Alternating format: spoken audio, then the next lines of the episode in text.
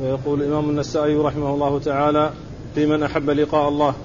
قال أخبرنا هناد عن أبي الزبيد وهو عبثر بن القاسم عن مطرف عن عامر عن شريح بن هانئ عن أبي هريرة رضي الله تعالى عنه قال قال رسول الله صلى الله عليه وسلم من أحب لقاء الله أحب الله لقاءه ومن كره لقاء الله كره الله لقاءه. قال شريح فأتيت عائشة رضي الله تعالى عنها فقلت يا أم المؤمنين سمعت أبا هريرة رضي الله تعالى عنه يذكر عن رسول الله صلى الله عليه وسلم حديثا إن كان كذلك فقد هلكنا. قالت وما ذاك؟ قال قال رسول الله صلى الله عليه وسلم من أحب لقاء الله أحب الله لقاءه ومن كره لقاء الله كره الله لقاءه ولكن ليس منا أحد إلا وهو يكره الموت. قالت قد قاله رسول الله صلى الله عليه وسلم وليس بالذي تذهب إليه. ولكن إذا طمح البصر وحشرج الصدر واقشعر الجلد فعند ذلك من أحب لقاء الله أحب الله لقاءه ومن كره لقاء الله كره الله لقاءه واللي بعده؟ سم؟ اللي بعده عن؟ اللي بعد العنوان؟ لا اللي بعد الحديث أخبرنا الحارث الصحابي عن أبي هريرة عن أبي هريرة نعم واللي بعده؟ واللي بعده أنس وبعده؟ اللي بعده عبادة بن الصامت أي وبعده؟ واللي بعده عائشة رضي الله تعالى عنها في الباب نفسه؟ نعم كله في الباب إيه. بسم الله الرحمن الرحيم الحمد لله رب العالمين وصلى الله وسلم وبارك على عبده ورسوله نبينا محمد وعلى آله وأصحابه أجمعين أما بعد يقول النسائي رحمه الله باب في من أحب لقاء الله باب ما ذكر باب في من أحب لقاء الله. في من أحب لقاء الله. أي في بيان فضل ذلك وثوابه عند الله عز وجل. وقد أورد النسائي في حديث آه، أبي هريرة. أبي هريرة رضي الله تعالى عنه أن النبي عليه الصلاة والسلام قال من أحب لقاء الله أحب الله لقاءه. قال شريح بن هاني الراوي عن عائشة رضي الله عنها فذهبت إلى عائشة وقلت لها يا أم المؤمنين حديث عن رسول الله صلى الله عليه وسلم آآ آآ كلنا قد هلكنا يعني أن أن لأنه فهم أن الموت أن أن أن الكراهية كراهية الموت. كراهية الموت من أحب لقاء الله أحب لقاء لقاءه من كره لقاء الله كره لقاءه. ففهم أن ذلك فيه كراهية الموت. وكلنا نكره الموت. وقد جبل الناس على كراهية الموت وعدم محبته. فقالت ليس يعني ذلك. يعني الرسول قد قال الرسول صلى الله عليه وسلم هذه المقالة. ولكن ليس المقصود هو كراهية الموت. وإنما المقصود أن المسلم إذا إذا حصل في النزع وحصلت الحشرجة في الصدر عند خروج الروح فإنه يبشر بما أكرمه الله عز وجل له به وبما أعده له فيحب لقاء الله يحب لقاء الله لما بشر به فيحب الله لقاءه. والله تعالى يحب لقاءه وهو يحب لقاء الله عز وجل. فهذا يكون للمؤمن. وأما الكافر فإنه يكره لقاء الله فيكره الله لقاءه. يعني إذا بشر بما يسوءه واخبر بالعذاب الذي أمامه فإنه يكره خروج روحه ويكره الانتهاء من هذه الدنيا لأنه سينتقل إلى عذاب وهو الذي أخبر به. فيكره لقاء الله عز وجل يعني يكره آه أن يموت وأن تخرج روحه فينتقل إلى عذاب شديد. وهذا مثل ما تقدم في الحديث الذي يتعلق بخروج الروح وأن المؤمن إذا كان عند خروج روحه يأتيه ملائكة معهم حرير من الجنة حرير أبيض من الجنة فيقولون يا أيتها النفس اخرجي راضية مرضيا عنك. اخرجي إلى روح الله وريحان ورب غير غضبان. فيبشر في فيحب لقاء الله عز وجل ويفرح فيحب الله لقاءه. وأما الكافر فإنه إذا قيل له اخرجي أيتها النفس الخبيثة مسخوطا ساخطة مسخوطا عليك فعند ذلك آه، آآ لا تريد الخروج لأنه ليس أمامها إلا النار. فيكره الكافر لقاء الله لما يجده أمامه من العذاب والله تعالى يكره لقاءه. وهو أيضا مثل ما جاء في حديث البراء حديث حديث, حديث النبي صلى الله, صلى الله عليه وسلم الدنيا سجن المؤمن وجنة الكافر.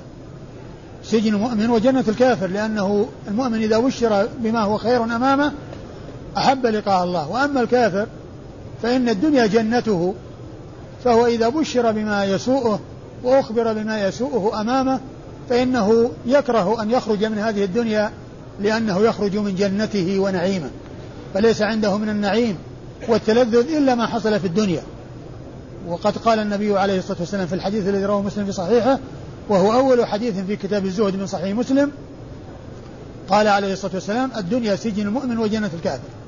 الدنيا سجن المؤمن وجنة الكافر فهو يسوءه أن يخرج من هذه الحياة الدنيا لأنه يترك النعيم الذي كان فيه ولا نصيب له في النعيم إلا هذا النعيم ويبشر بالعذاب فيكره الخروج من هذه الدنيا. وأما المؤمن إذا بشر فإنه يفرح بالخروج من هذه الدنيا لأنه بشر بما يسره وهو قادم على ما يسره وعلى النعيم الذي أعده الله عز وجل له. فعائشة رضي الله تعالى عنها بينت أن الأمر ليس كما فهم. نعم الموت الله تعالى طبع الناس وجبل الناس على كراهية الموت. ما يكره ما يحب الإنسان الموت وإنما الموت جبل الله عز وجل الناس على كراهيته وعلى عدم الرغبة فيه. ولكن القضية ما هي قضية الموت وكراهية الموت وإنما هي عند التبشير بالخير أو التبشير بالشر. هذا يبشر بنعيم وهذا يبشر بعذاب أليم. فهذا يحب لقاء الله والله يحب لقاءه وهذا يكره لقاء الله والله تعالى يكره آه لقاءه. وكراهية الموت ولهذا قال قد هلكنا جميعا. يعني ما في أحد إلا وهو يكره الموت. يعني الناس يكرهون الموت وقد جبلوا على ذلك. الناس جبلوا على كراهية الموت. والشاعر يقول آه يعني مبينا أن الشيء قد يكون محبوبا مبغوضا في آن في وقت في في آن واحد وفي وقت واحد وهو الشيب. الشيب يقول الشاعر الشيب كره وكره أن يفارقه. فاعجب لشيء على البغضاء محبوبي. الشيب كره إذا قيس الشيب بالشباب صار الشيب غير مرغوب فيه. وإذا نظر إلى أمامه صار غير محبوب لأن الشباب أحب منه وأرغب منه. لكن إذا نظر إلى ما بعده وهو الموت صار مرغوبا. ولهذا قال الشيب كره وكره أن يفارقه يعني يكره أن يموت.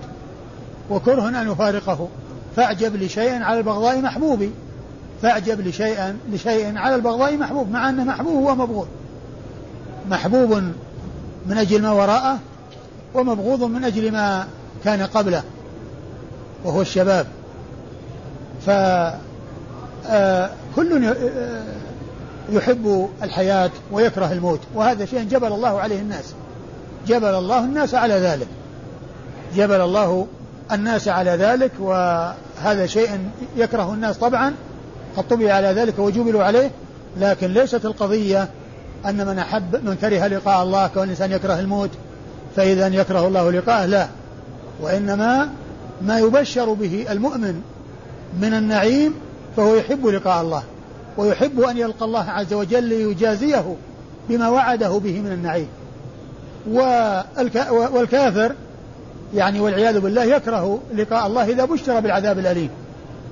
ولهذا جاء في الحديث حديث البراء بن عازب في خروج الروح أن المؤمن إذا قيل إذا قيل له إذا قيل لروحه اخرجي إلى روح وريحان ورب غير غضبان فتخرج كما تسيل القطرة من في السقاء.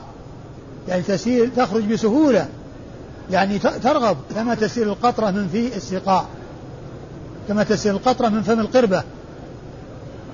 وإذا كان بخلاف ذلك فإذا قيل له اخرج إلى إلى عذاب وإلى رب غضبان وإلى إلى آخره تتفر يعني لا تريد أن تخرج.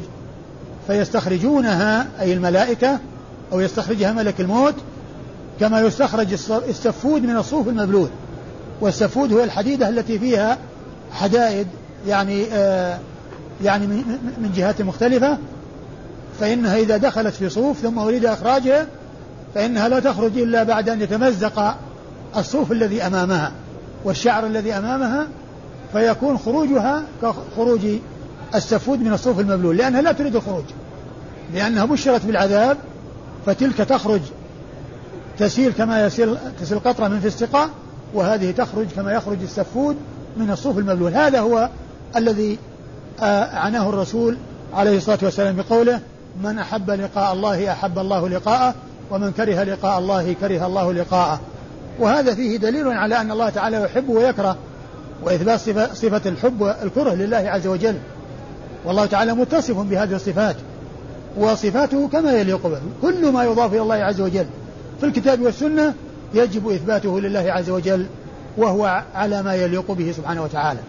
لا يشبه لا تشبه صفات صفات المخلوقين بل صفات الباري كما يليق بجلاله وعظمته وصفات المخلوقين كما يليق بضعفهم وافتقارهم والأمر كما قال الله عز وجل ليس كمثله شيء وهو السميع البصير.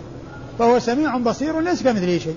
يعني سمعه لا كالأسماع وبصره لا كالأبصار وحبه لا كالحب وكراهيته لا كالكراهية وهكذا. الصفات كلها من باب واحد. يقال فيها ما يقال في بعضها ما يقال في البعض الآخر. لا يفرق بينها بل كلها على وتيرة واحدة وأن وهي أنها تثبت كما يليق بالله عز وجل ولا يتصور أن ما يضاف إلى الله عز وجل يشبه ما يضاف للمخلوقين بل ما يضاف إلى الله عز وجل يليق بكماله وجلاله وما يليق بالمخلوقين وما يضاف للمخلوقين يليق بضعفهم وافتقارهم والأمر كما قال الله عز وجل ليس كمثله شيء وهو السميع البصير. فأثبت السمع والبصر ونفى المشابهة. فهو يحب ويكره ولكن لا يشبهه شيء. ليس كمثله شيء في جميع الصفات فهو سبحانه وتعالى صفاته جميعها تثبت على ما يليق به وصفات المخلوقين تليق بهم ولا تشبه صفة الخالق صفة المخلوق. إيش قال؟ فلقيت عائشة قال شريح فلقيت عائشة. فأتيت عائشة. فقلت يا أم المؤمنين سمعت أبا هريرة يذكر عن رسول الله صلى الله عليه وسلم حديثا. إن كان كذلك فقد هلكنا. قالت وما ذاك؟ قال قال رسول الله صلى الله عليه وسلم من أحب لقاء الله أحب الله لقاءه. ومن كره لقاء الله كره الله لقاءه. ولكن ليس منا أحد إلا وهو يكره الموت. وهذا فيه وهذا فيه أن أن أن الأمور قد تخفى أو أن فهم يعني بعض الأحاديث قد يخفى على بعض الصحابة ف وعلى التابعين فيبينه يبينه الصحابة أو يبينه الرسول صلى الله عليه وسلم كما سيأتي. يأتي بيانه من الله من الرسول عليه الصلاة والسلام أو من الصحابة رضي الله تعالى عنهم وأرضاهم. وهذا من جنس لما نزل قول الله عز وجل الذين آمنوا ولم يلبسوا إيمانهم بظلم قالوا وأينا لم يظلم نفسه؟ فالرسول قال قال لهم الرسول صلى الله عليه وسلم المراد بذلك الشرك. الذين آمنوا ولم يلبسوا إيمانهم بظلم يعني بشرك. لأنه قال ثم قال ثم ذكر الآية إن الشرك لظلم عظيم. ففهموا أن المراد بذلك هو أي ظلم. وقالوا أينا لم يظلم نفسه؟ فبين لهم أن المراد الشرك. وهنا فهم شريح أن المراد الموت. فقالت عائشة لا ليس المراد هو الموت وإنما المراد ما يبشر به عند الموت إما نعيم وإما عذاب. فهذا يفرح لأنه سيقدم على ما بشر به وهذا يستاء ويكره لأنه سيقدم على ما بشر به من العذاب والعياذ بالله. إسناد؟ أخبرنا هناد. أخبرنا هناد. هناد هو ابن السري أبو السري. آه ثقة أخرج حديثه البخاري في خلق أفعال العباد ومسلم وأصحاب السنة الأربعة. عن أبي الزبيد. عن أبي, أبي, أبي زبيد وهو عبثر بن القاسم الزبيدي وهو ثقة أخرج له أصحاب الكتب الستة. وعبثر هذا هو الذي مر بنا في المصطلح بين عبثر وعنبر وأنهما من قبيل المؤتلف والمختلف. يعني يتفقان في الرسم ويختلفان في النطق عبثر وعنبر. فعبثر بن القاسم هو بالعين والباء والثاء والراء وعنبر الذي هو جد محمد بن سواء هو بالعين والنون والباء والراء. فمتفقان في الرسم ولكنهما مختلفان في النطق والنقط. وإن اتفقا في الشكل شكل الحروف والحركات متفقان لأن عبثر وعنبر يعني شكل الشكل واحد. الفتحة والسكون والكسر والفتح وما إلى ذلك كله سواء. ولكن الفرق إنما هو بالنقط والنطق. يعني كونه منقوط وكون النطق يختلف في هذا وفي هذا. وعبثر بن القاسم أبو زبيد الزبيدي ثقة أخرج له أصحاب الكتب الستة. المطرف عن مطرف. مطرف هو ابن طريف الكوفي. مطرف ابن طريف. يعني في مطرف بن عبد الله بن الشخير ومطرف ابن طريف. هذا مطرف ابن طريف. وهو ثقة أخرج له أصحاب الكتب الستة. عن عامر. عن عامر بن شراحيل الشعبي وهو ثقة فقيه أخرج حديثه أصحاب الكتب الستة. وهو الذي قال الكلمة المشهورة في بيان ما كان عليه الرافضة من السوء وهو قوله رحمة الله عليه إن اليهود والنصارى قد فاقوا الرافضة بخصلة وهي أنه لو قيل لليهود من خير أهل ملتكم؟ لقالوا أصحاب موسى. ولو قيل للنصارى من خير أهل ملتكم لقالوا أصحاب عيسى. ولو وإذا قيل للرافضة من شر أهل ملتكم لقالوا أصحاب محمد. لقالوا أصحاب محمد يعني شر أمة محمد أصحاب محمد. هكذا يقول الرافضة. هذا قاله عامر الشعبي من قديم الزمان. ثم قاله رافضي في قصيدة له. قصيدة طويلة معروفة مشهورة. اسمها الأزرية أو الأرزية. وهي تمتلئ مليئة بالخبث والنتن والقبح والكلام الذي لا يقوله من يؤمن بالله واليوم الآخر في حق أصحاب رسول الله صلى الله عليه وسلم ورضي الله عنهم وأرضاهم. فإنه قال في بيت من أبياتها نفس الكلمة التي قالها الشعبي. يقول في بيت من أبياته أهم خير أمة أخرجت للناس؟ أهم استفهام إنكار. أهم خير أمة أخرجت للناس؟ هيهات ذاك بل أشقاها. هيهات ذاك بل أشقاها. هذا يقوله رافضي في قصيدة طويلة. مطبوع يعني يعني مطبوع بعضها. ولا أدري هل هي مطبوعة كلها لكن رأيت يعني أبياتا منها يعني مطبوعة وعليها تعليقات وتعقبات. من بعض أهل السنة. أهم خير أمة أخرجت للناس؟ هيهات ذاك بل أشقاها. يعني نفس الكلمة اللي قالها الشعبي إن أن الرافضة يقولون عن أصحاب محمد إنهم شر هذه الأمة عكس اليهود والنصارى. النصارى يقولون خير الأمة أصحاب موسى واليهود يقولون خير الأمة أصحاب موسى والنصارى يقولون أصحاب خير الملة أصحاب عيسى والرافضة يقولون شر هذه الملة أصحاب محمد. ويقول في بيت من أبياتها يعني آه يقول فيها إن إن سورة براءة لم تبدأ بالبسملة كسائر سور القرآن لأنه ذكر فيها أبو بكر لأنه ذكر فيها أبو بكر. هكذا يعني الله ذكره بأحسن الذكر وسماه صاحب رسول الله عليه الصلاة والسلام وهو وهذا المجرم الخبيث يقول إن سورة براءة لم تبدأ بالبسملة لأنه ذكر فيها أبو بكر. بأي شيء ذكر أبو بكر؟ ذكر بالثناء. وتسميته صاحب رسول الله عليه الصلاة والسلام بنص القرآن.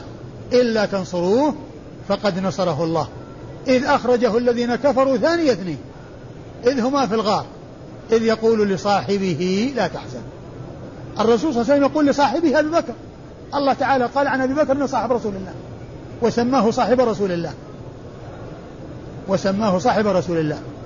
ولما قرب أو الذين المشركون الذين تفرقوا يبحثون عن الرسول صلى الله عليه وسلم ومن معه وجاءوا على باب الغار. وأقدامهم يراها الرسول صلى الله عليه وسلم وأبو بكر وهم في الغار. وأولئك كانوا واقفون فقال أبو بكر للرسول صلى الله عليه وسلم لو أبصر أحد لو نظر أحدهم إلى موضع قدمه لرآنا. فقال عليه الصلاة والسلام لأبي بكر ما ظنك باثنين الله ثالثهما؟ اثنين. من هم؟ أبو بكر الرسول صلى الله عليه وسلم وأبو بكر. الله ثالثهما. بنصره وتأييده وحفظه وكلأته. هذا ثناء حصل لأبي بكر الصديق رضي الله عنه وأرضاه. لكن من يضلل الله عز وجل لن تجد له وليا مرشدا. من يهدي الله فهو المهتدي ومن يضلل فلن تجد له وليا مرشدا.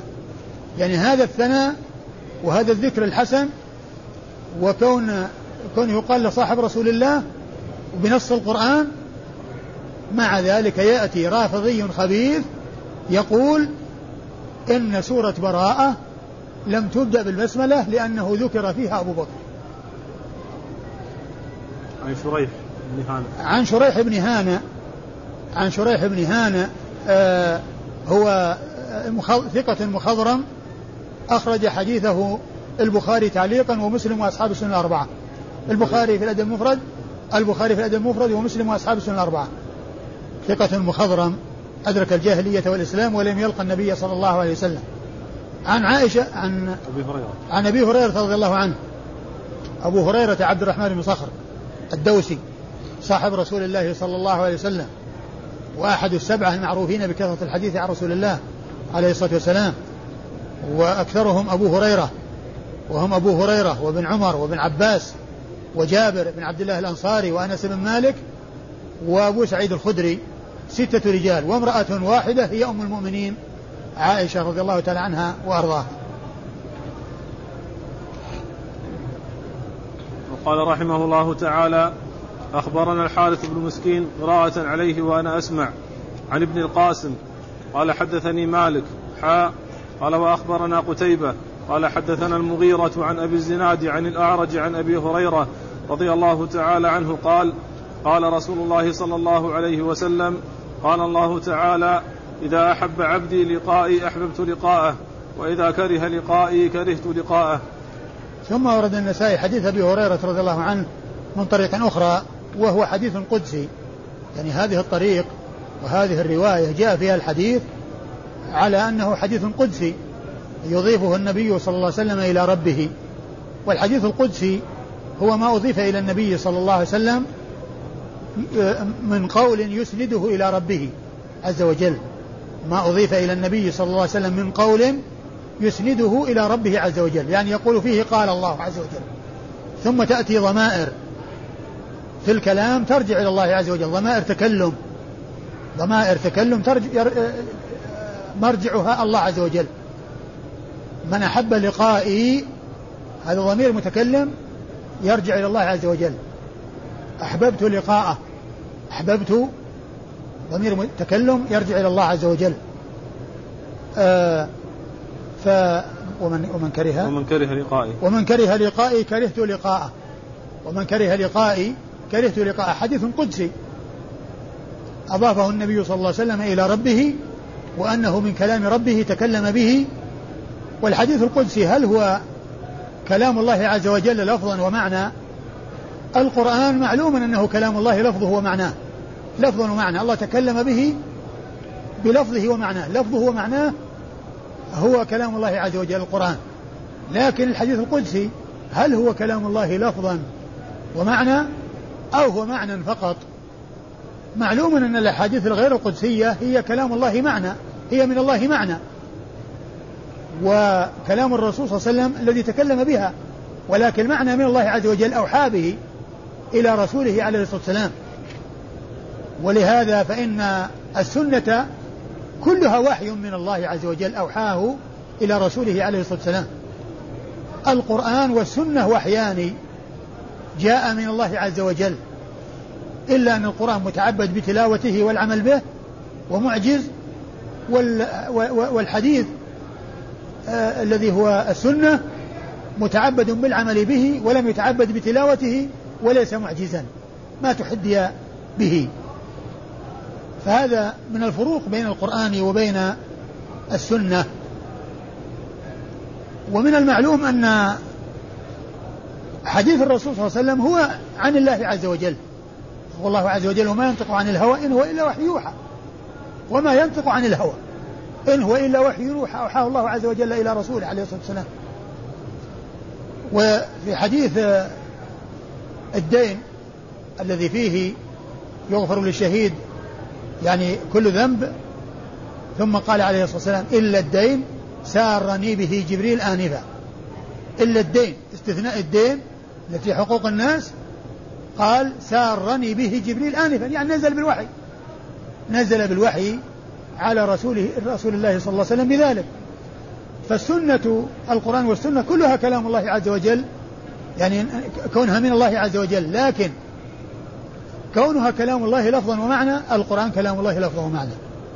أما الحديث القدسي فالمتكلم به هو الله عز وجل. والذي قال من أحب لقائي هو الله. يعني الضمائر ترجع إلى الله عز وجل. ما ما أحد يقول من أحب لقائي وهو غير الله عز وجل. يعني من أحب لقائي أحببت لقاءه ومن كره كرهت لقاءه الذي قال هو هو الله عز وجل. والضمائر ترجع إلى الله عز وجل. لكن هل اللفظ يعني هل هو لفظ ومعنى كما أن المعنى من الله هل اللفظ أيضا من الله؟ من المعلوم أن الأحاديث القدسية تدخلها الرواية بالمعنى. تدخلها الرواية بالمعنى. والرواية إذا دخل المعنى إذا دخل الحديث إذا دخلت الرواية بالمعنى لا يقال أن اللفظ هو لفظ الله ولا لفظ الرسول صلى الله عليه وسلم. إذا دخلت الرواية في المعنى. لأن الراوي عندما يبلغه الحديث قد يضبط لفظه ومعناه. فيؤدي اللفظ كما سمعه لكن قد يتقن المعنى وينسى اللفظ. ما يضبط اللفظ. لكن المعنى مضبوط عنده. فهذا ماذا يصنع؟ هل يحدث بالحديث الذي ضبط معناه ونسي لفظه ويعبر عنه بعبارته ويرويه بالمعنى أو يقال لا خلاص اسكت لا تتكلم؟ ما دمت ما ضبطت حديث الرسول صلى الله عليه وسلم بلفظه لا تحدث بشيء. لا. اتقوا الله ما استطعتم. إذا لم يتمكن من أداء اللفظ وتمكن من أداء المعنى فليعبر عنه. وليبين ما جاء عن الرسول صلى الله عليه وسلم بالمعنى. الأحاديث القدسية نجد أن بعضها يأتي بروايات عديدة وبألفاظ مختلفة وهذا نتيجة الرواية بالمعنى. فيقال في الأحاديث القدسية أن المتكلم بها هو الله والضمائر ترجع إلى الله لكن هل الألفاظ كلها التي جاءت في الأحاديث القدسية هي كلام الله عز وجل لفظا ومعنى؟ أو أنها يعني مروية بالمعنى. لو عرفنا أن النبي عليه الصلاة والسلام يعني هذا اللفظ هو لفظ النبي صلى الله عليه وسلم وما دخلته رواية بمعنى يمكن أن نقول أن هذا كلام الله لفظا ومعنى كما أنه معنى هو أيضا لفظ. لكن ما دامت الأحاديث القدسية تدخلها الرواية بالمعنى كالأحاديث غير القدسية لا يجزم أو لا يستطاع أن يجزم مع ذلك بأن اللفظ بجميعه هو كلام الله عز وجل لفظا. إذا قوله من أحب لقائي أحببت لقاءه ومن كره لقائي كرهت لقاءه هو مثل الذي قبله إلا أنه هنا حديث قدسي. الضمائر ترجع فيه إلى الله عز وجل وقد عرفنا ما يتعلق بالحديث القدسي من حيث تعريفه ومن حيث هل هو كلام الله لفظا ومعنى والفرق بينه وبين القرآن. والباقي مثل ما كان قبله. يعني كونه يحب لقاء الله يعني إذا بشر بما أعد له من النعيم يستبشر ويفرح ويحب لقاء الله. والعكس من يبشر بالعذاب الأليم فيكره الخروج من هذه الحياة الدنيا. نعم الإسناد؟ أخبرنا الحارث بن مسكين قراءة عليه أخبرنا الحارث بن مسكين هو المصري ثقة أخرج له أبو داود والنسائي. عن ابن القاسم. عن ابن القاسم هو عبد الرحمن بن القاسم صاحب الإمام مالك. و هو ثقة فقيه أخرج حديثه البخاري وأبو داود في المراسيل والنسائي. عن مالك. عن مالك ابن أنس إمام دار الهجرة المحدث الفقيه الإمام المشهور أحد أصحاب المذاهب الأربعة المشهورة من مذاهب أهل السنة وحديثه عند أصحاب الكتب الستة. حاء قال أخبرنا قتيبة. ثم قال حاء وهذه للتحول من إسناد إلى إسناد وقتيبة شيخ آخر للنسائي الشيخ الأول الحارث المسكين والشيخ الثاني في هذا الإسناد قتيبة وهو قتيبة بن سعيد بن جميل بن طريف البغلاني ثقة ثبت أخرج له أصحاب الكتب الستة. قال حدثنا المغيرة قال حدثنا المغيرة هو بن عبد الرحمن الحزامي المغيرة بن عبد الرحمن وهو ثقة أخرج له أصحاب الكتب الستة. عن أبي الزناد عن أبي الزناد وهو عبد. عبد الله بن ذكوان. عبد الله بن ذكوان المدني لقبه أبو الزناد وهو بلفظ الكنية. لقبه بلفظ الكنية. أبو الزناد لقب وليست كنية وكنيته غير غير ذلك. وإنما هذه لقبه أبو عبد الرحمن وكنيته أبو الزناد. آه كنيته أبو لقبه أبو الزناد وهو بلفظ الكنية ولقبه أبو عبد الرحمن وهو ثقة أخرج حديثه أصحاب الكتب الستة. عن الأعرج عن أبي هريرة. عن الأعرج وهو عبد الرحمن بن هرمز المدني. لقبه الأعرج. مشهور بلقبه ومشهور باسمه أيضا عبد الرحمن بن هرمز. وهو ثقة أخرج حديثه أصحاب الكتب الستة. عن أبي هريرة وقد مر ذكره. قال رحمه الله تعالى أخبرنا محمد بن المثنى. قال حدثنا محمد. قال حدثنا شعبة. عن قتادة.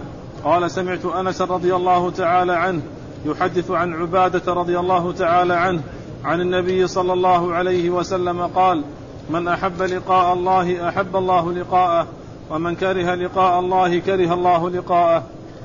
ثم ورد النسائي حديث عبادة بن الصامت رضي الله عنه وهو مثل حديث أبي هريرة يعني بلفظه ومعناه وقد وقد مر بيان المعنى وأما الإسناد أخبرنا محمد بن المثنى. محمد بن المثنى العنزي الملقب الزمن وكنيته أبو موسى ثقة أخرج حديثه أصحاب الكتب الستة بل هو شيخ لأصحاب الكتب الستة روى عنه مباشرة وبدون واسطة.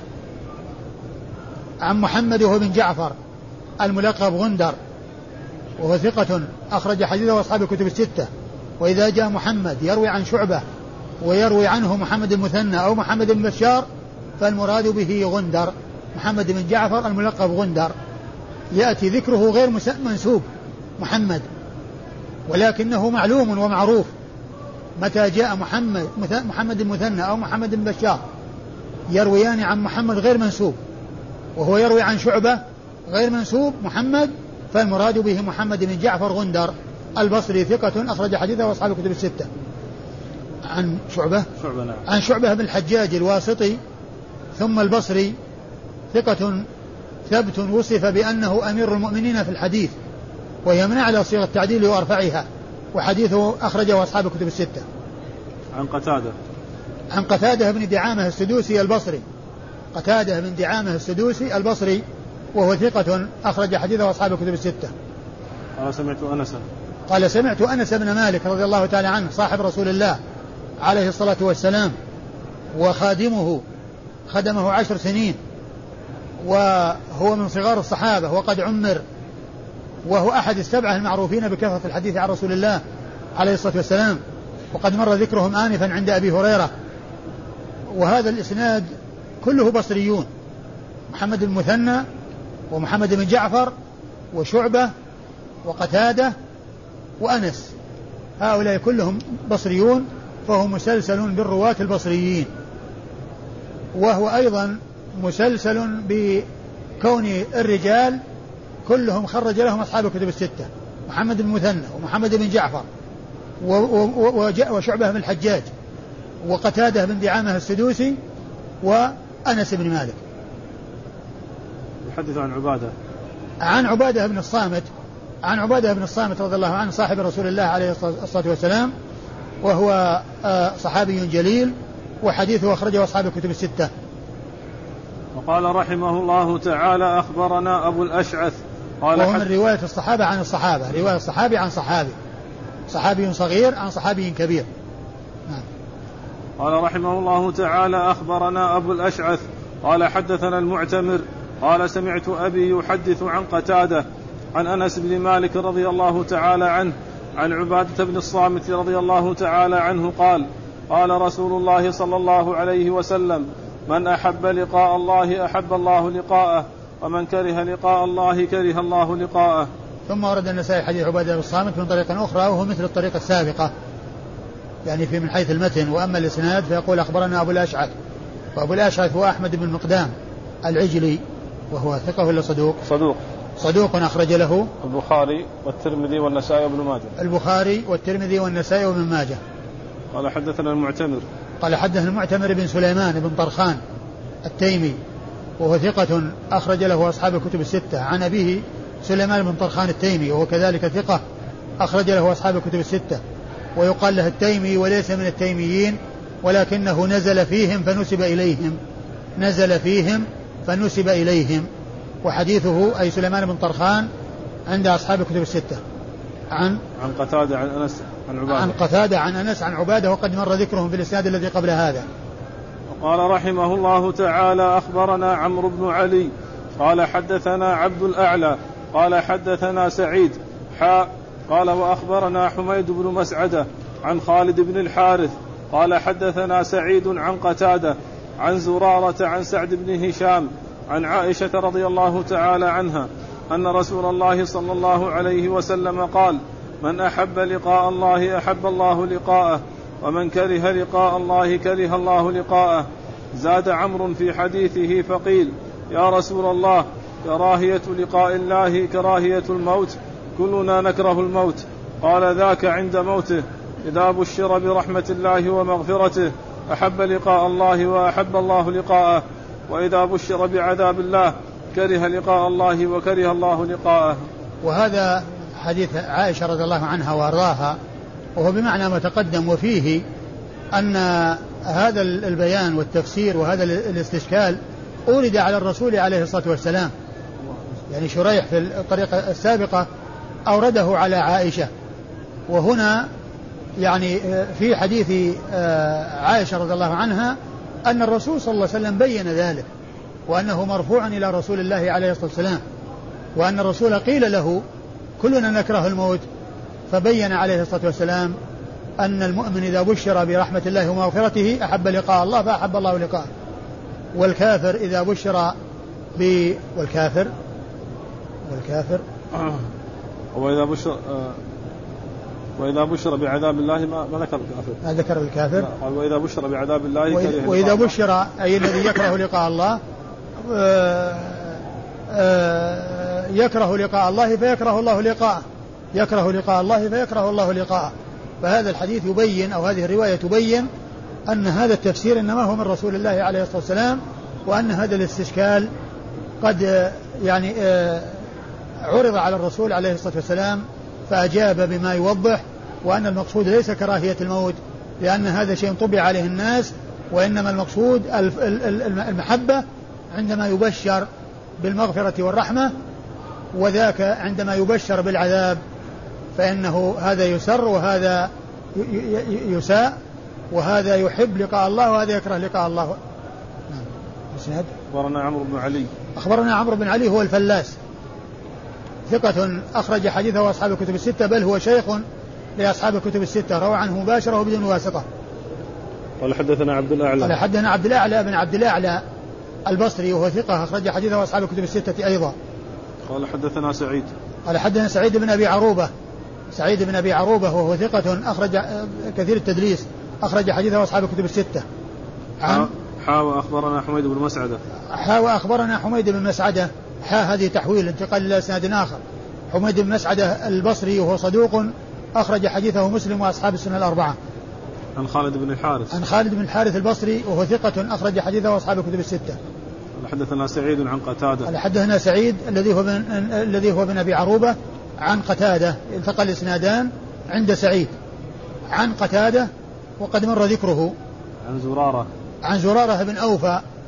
زرارة بن أوفى وهو ثقة أخرج حديثه أصحاب الكتب الستة هو الذي سبق أن مر بنا أنه مات فجأة في الصلاة وهو يقرأ يصلي بالناس الفجر ويقرأ بهم سورة المدثر فلما جاء عند قول الله عز وجل فإذا نقر في الناقور فذلك يومئذ يومئذ, يوم عسير آه، شهق وسقط مغشيا عليه ومات. وقد ذكر ذلك ابن كثير عند تفسير هذه الآية وكذلك ذكره غيره قالوا مات فجأة في الصلاة.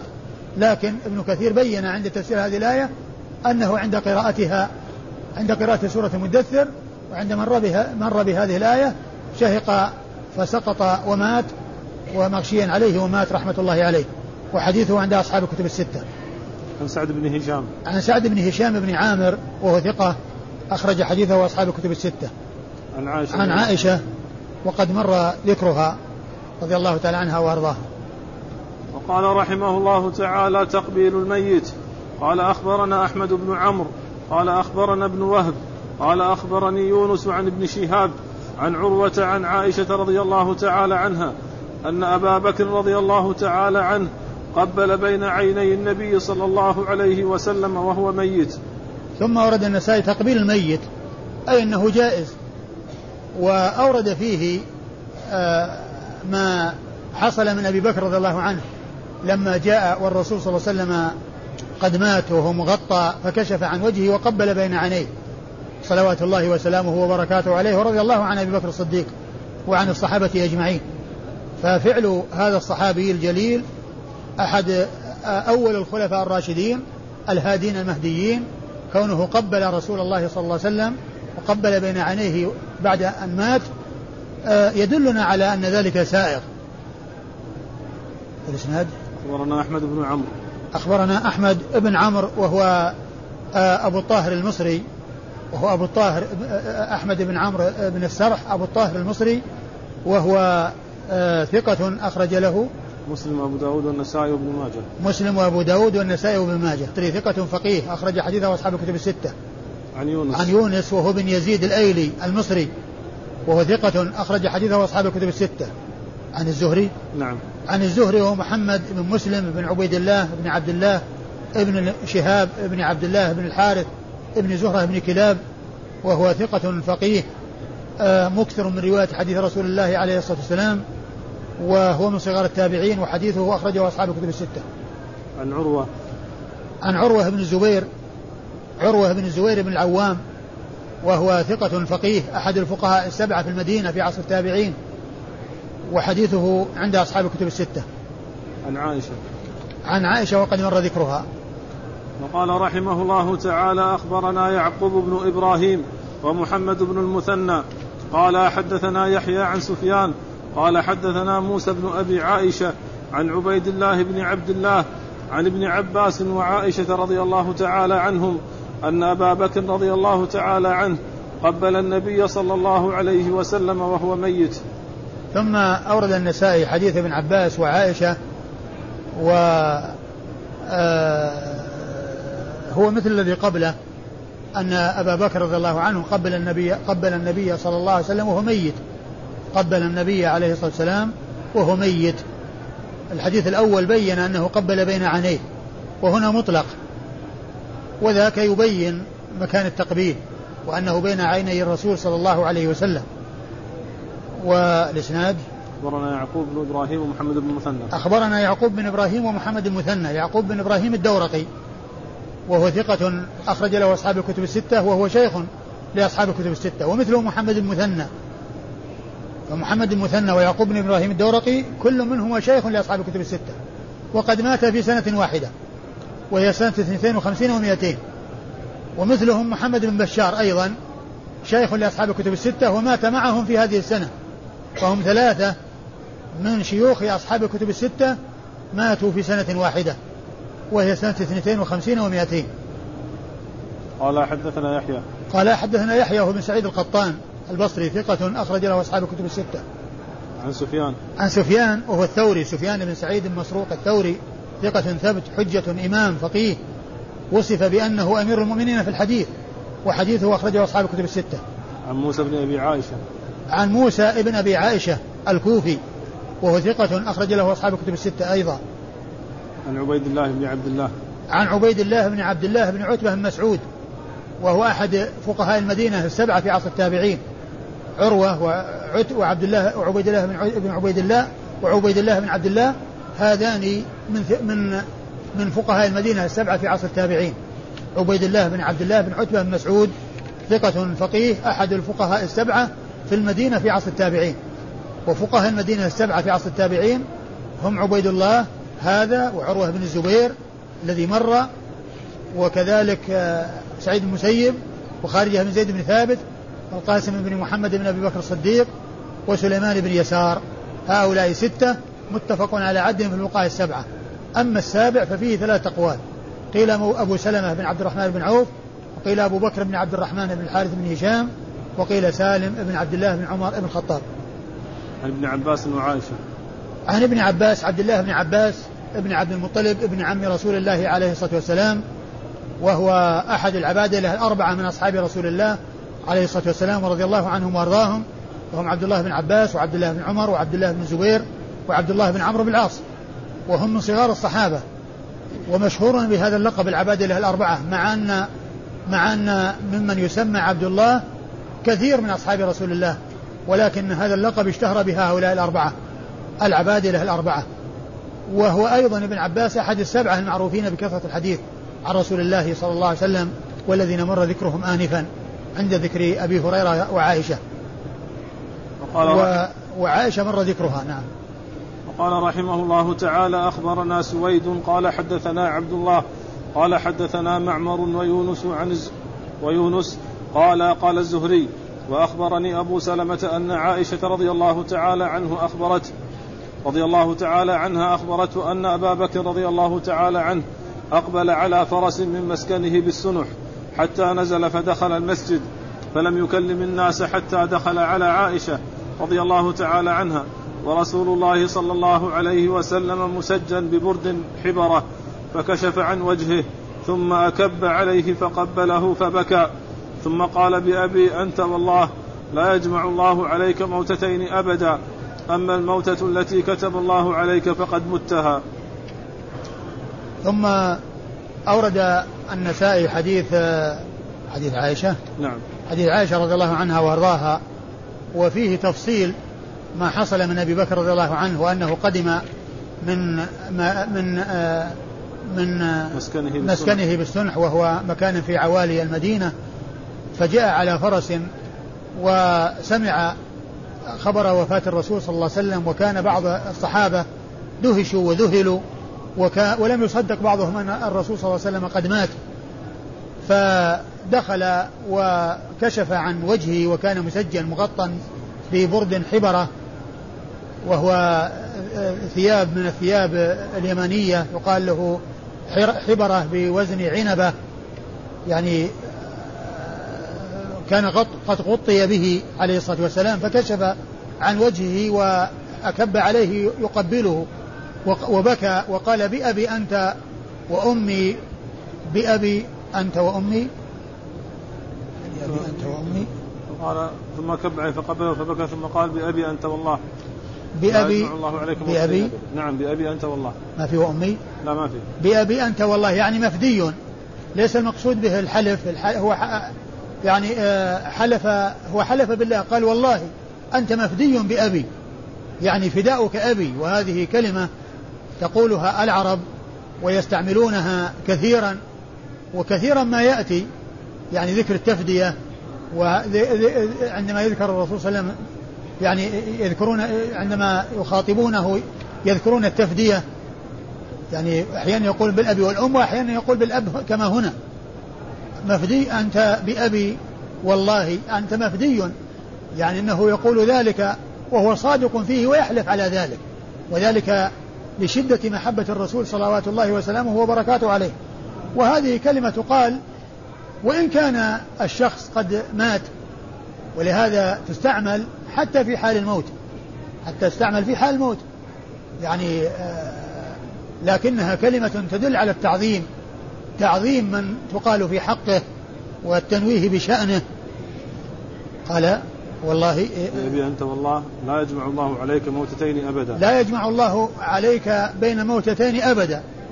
يعني كونه يعني يموت ثم يرجع آه، ثم يموت ما هناك إلا هذه الموتة التي هي الموتة الخروج من الدنيا. نعم هناك موتتان وحياتان جاءت في القرآن ربنا أمتنا اثنتين وأحييتنا اثنتين. كيف تكفرون بالله وكنتم أمواتا فأحياكم ثم يميتكم ثم يحييكم. فالموتة الأولى هي التي كانت لما كانوا عدما وقبل أن يوجدوا. ثم حصلت الحياة الدنيا ثم يحصل الموت ثم تحصل الحياة الأخروية.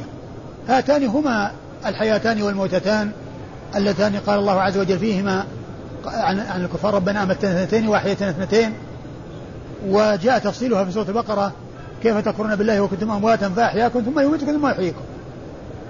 موت أول وهو كونه عدما ثم الحياة الدنيوية ثم الموت والانتقال منها ثم الحياة الأخروية التي ليس بعدها موت. حياة لا موت فيها لا موت بعدها. يعني أنه لا يجمع لك في هذه الحياة الدنيا بين موتتين يعني كونه يموت ثم يحيا ثم يموت وإنما الموتة التي كتب الله عز وجل عليه قد ذاقها وقد ماتها وأنه قد مات فعلا. وليس كما حصل من بعض الصحابة أنه دهش وأنه ذهل وأنه قال ما مات. نعم. إسناد؟ إسناد. أخبرنا سويد. أخبرنا سويد وهو بن نصر المروزي ثقة أخرج حديثه آه، الترمذي والنسائي. يروي عن عبد الله بن المبارك المروزي. هو ثقة ثبت جواد مجاهد جمعت فيه خصال الخير كما قال الحافظ بن حجر في التقريب وحديثه أخرجه أصحاب الكتب الستة. عن؟ معمر. عن معمر بن راشد الأزدي البصري نزيل اليمن ثقة أخرج حديثه أصحاب الكتب الستة. عن يونس. ويونس. ويونس, ويونس وهو يونس بن يزيد الأيلي. وقد مر الزهري عن الزهري؟ نعم عن الزهري. عن الزهري وقد مر ذكره. وأخبرني قال أخبرني أبو سلمة أن عائشة أبو سلمة؟ قال وأخبرني؟ قال الزهري وأخبرني قال الزهري وأخبرني لأن الزهري يقول وأخبرني هذه الواو يقصد بها أنه معطوف على حديث آخر ولكن الراوي عندما أراد أن يأتي بالشيء الذي يريد أن يأتي به أتى بالواو التي تدل على أن في شيء قبله ولكنه أتى بالشيء الذي أراد روايته في هذا المكان. فكلمة أخبرني يعني أنه قال كذا وكذا وأخبرني. يعني معناه فيه إشارة إلى الحديث الآخر الذي آه، لم لم يرد أن يذكره هنا الراوي وإنما أراد ذكر ما أراد ذكره وهو ما يتعلق بوفاة الرسول صلى الله عليه وسلم ومجيء أبي بكر إليه وتقبيله إياه. وأبو سلمة بن عبد الرحمن بن عوف هو ثقة فقيه أحد الفقهاء المدينة فقهاء المدينة السبعة في عصر التابعين على أحد الأقوال في السابع وقد مر ذكر ذكرهم عن عائشة عن عائشة وقد مر ذكرها. قال رحمه الله تعالى تسجية الميت نعم. أخبرنا محمد بن منصور قال حدثنا سفيان قال سمعت ابن المنكدر يقول سمعت جابرا رضي الله تعالى عنه يقول جيء بأبي يوم أحد وقد مثل به فوضع بين يدي رسول الله صلى الله عليه وسلم وقد سجي بثوب فجعلت أريد أن أكشف عنه فنهاني قومي فأمر به النبي صلى الله عليه وسلم فرفع فلما رفع سمع صوت باكية فقال من هذه؟ فقالوا هذه بنت عمرو أو أخت عمرو. قال فلا تبكي أو فلم تبكي؟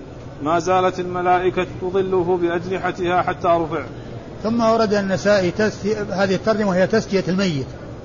وقد مر يعني في الإسناد الذي قبله أو في الحديث الذي قبله كون النبي صلى الله عليه وسلم مسجى وأنه قد سجي ببرد حبرة وأن أبا بكر كشف ذلك البرد وقبله فهو دال أيضا على ما حصل إلا أن هذا فيه كونه فعل بحضرة النبي صلى الله عليه وسلم.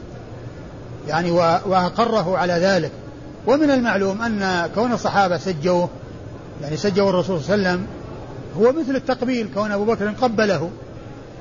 يعني فهو حجة فعلهم ولكن آه، النسائي رحمه الله أتى بالحديث بالشيء الذي هو مضاف إلى النبي صلى الله عليه وسلم من حيث التقرير.